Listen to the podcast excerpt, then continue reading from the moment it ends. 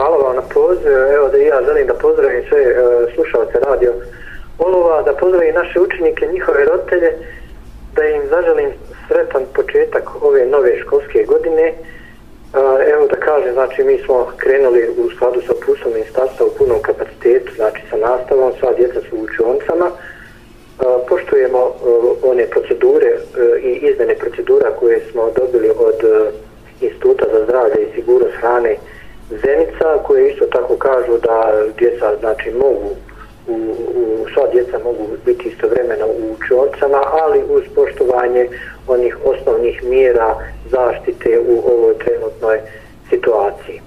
Dakle, e, osnovna škola Olovo na početku ove školske godine broji e, negdje oko 460 učenika, raspoređenih u 26 odjeljenja, što u centralno, što u područnim školama. E, svi su jutros uglavnom na broju.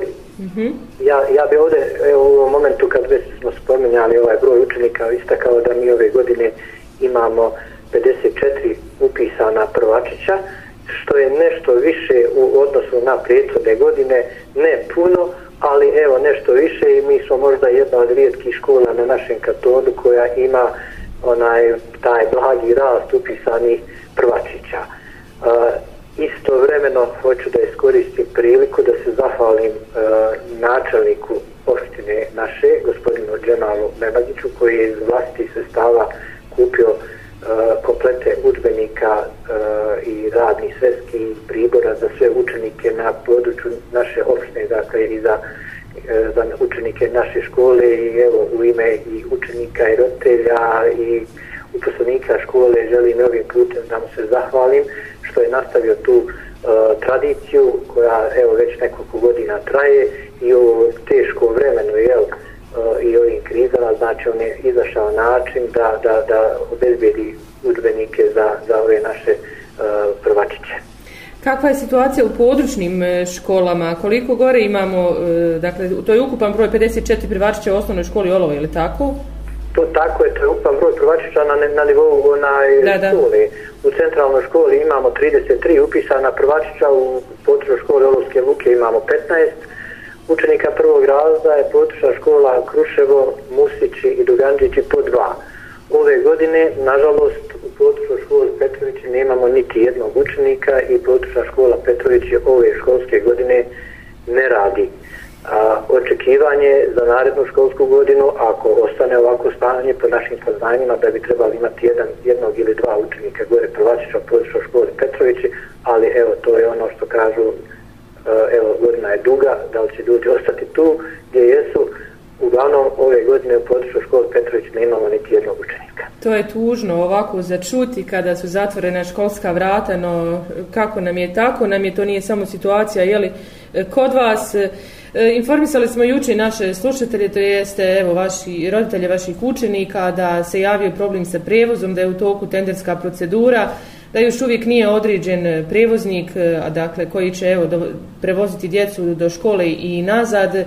Ja vjerujem evo, da je sada na direktorima da iznađu neko čarobno rješenje.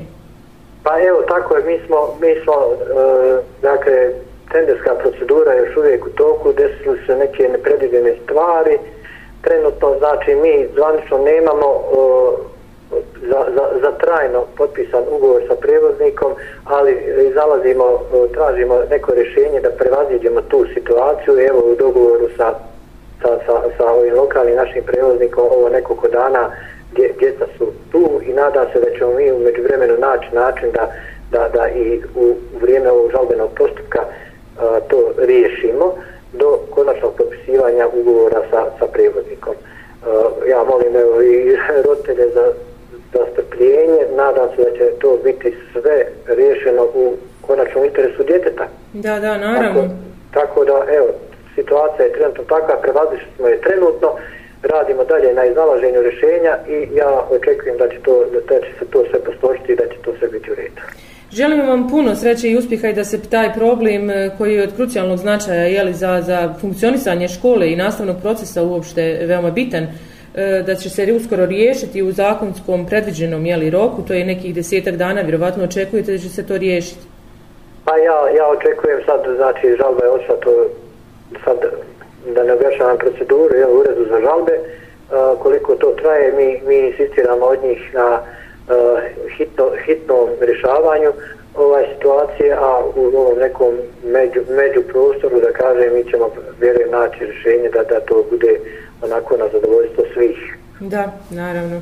E, želim vam puno uspjeha u novoj školskoj godini i da učenici i vi ostanete u svojim školskim prostorijama, da se ne vraćamo više na one kombinovane jeli, načine Tako i ta epidemiološka situacija da ostane e, onakva kakva je trenutno.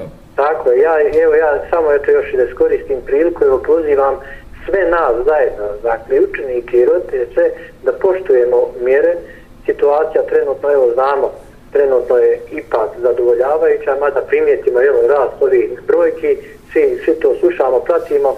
Ja molim sve i roditelje da apeluju na svoje učenike, molim ovdje učenike da se poštuju mjere, znači ono sve što je propisano da poštujemo, da sačuvamo ovu situaciju i da održimo ovako stanje kako jeste, ono, da smo svi tu zajedno, jer naj, učenici najviše mogu dobiti u školskim kupama, bez obzira na sam napor koji se ulaže u online nastavi i razno raznim modelima, ono što je interes svi nas da budemo ovdje u klupama i tu najbolje znanje učenici mogu i dobiti. Da, naravno. E, onaj klasični i tradicionalni način je se pokazao najbolje i sve manjkavosti smo vidjeli u ovom protekloj i ovoj godini sa ovim e, online sistemom i tako dalje.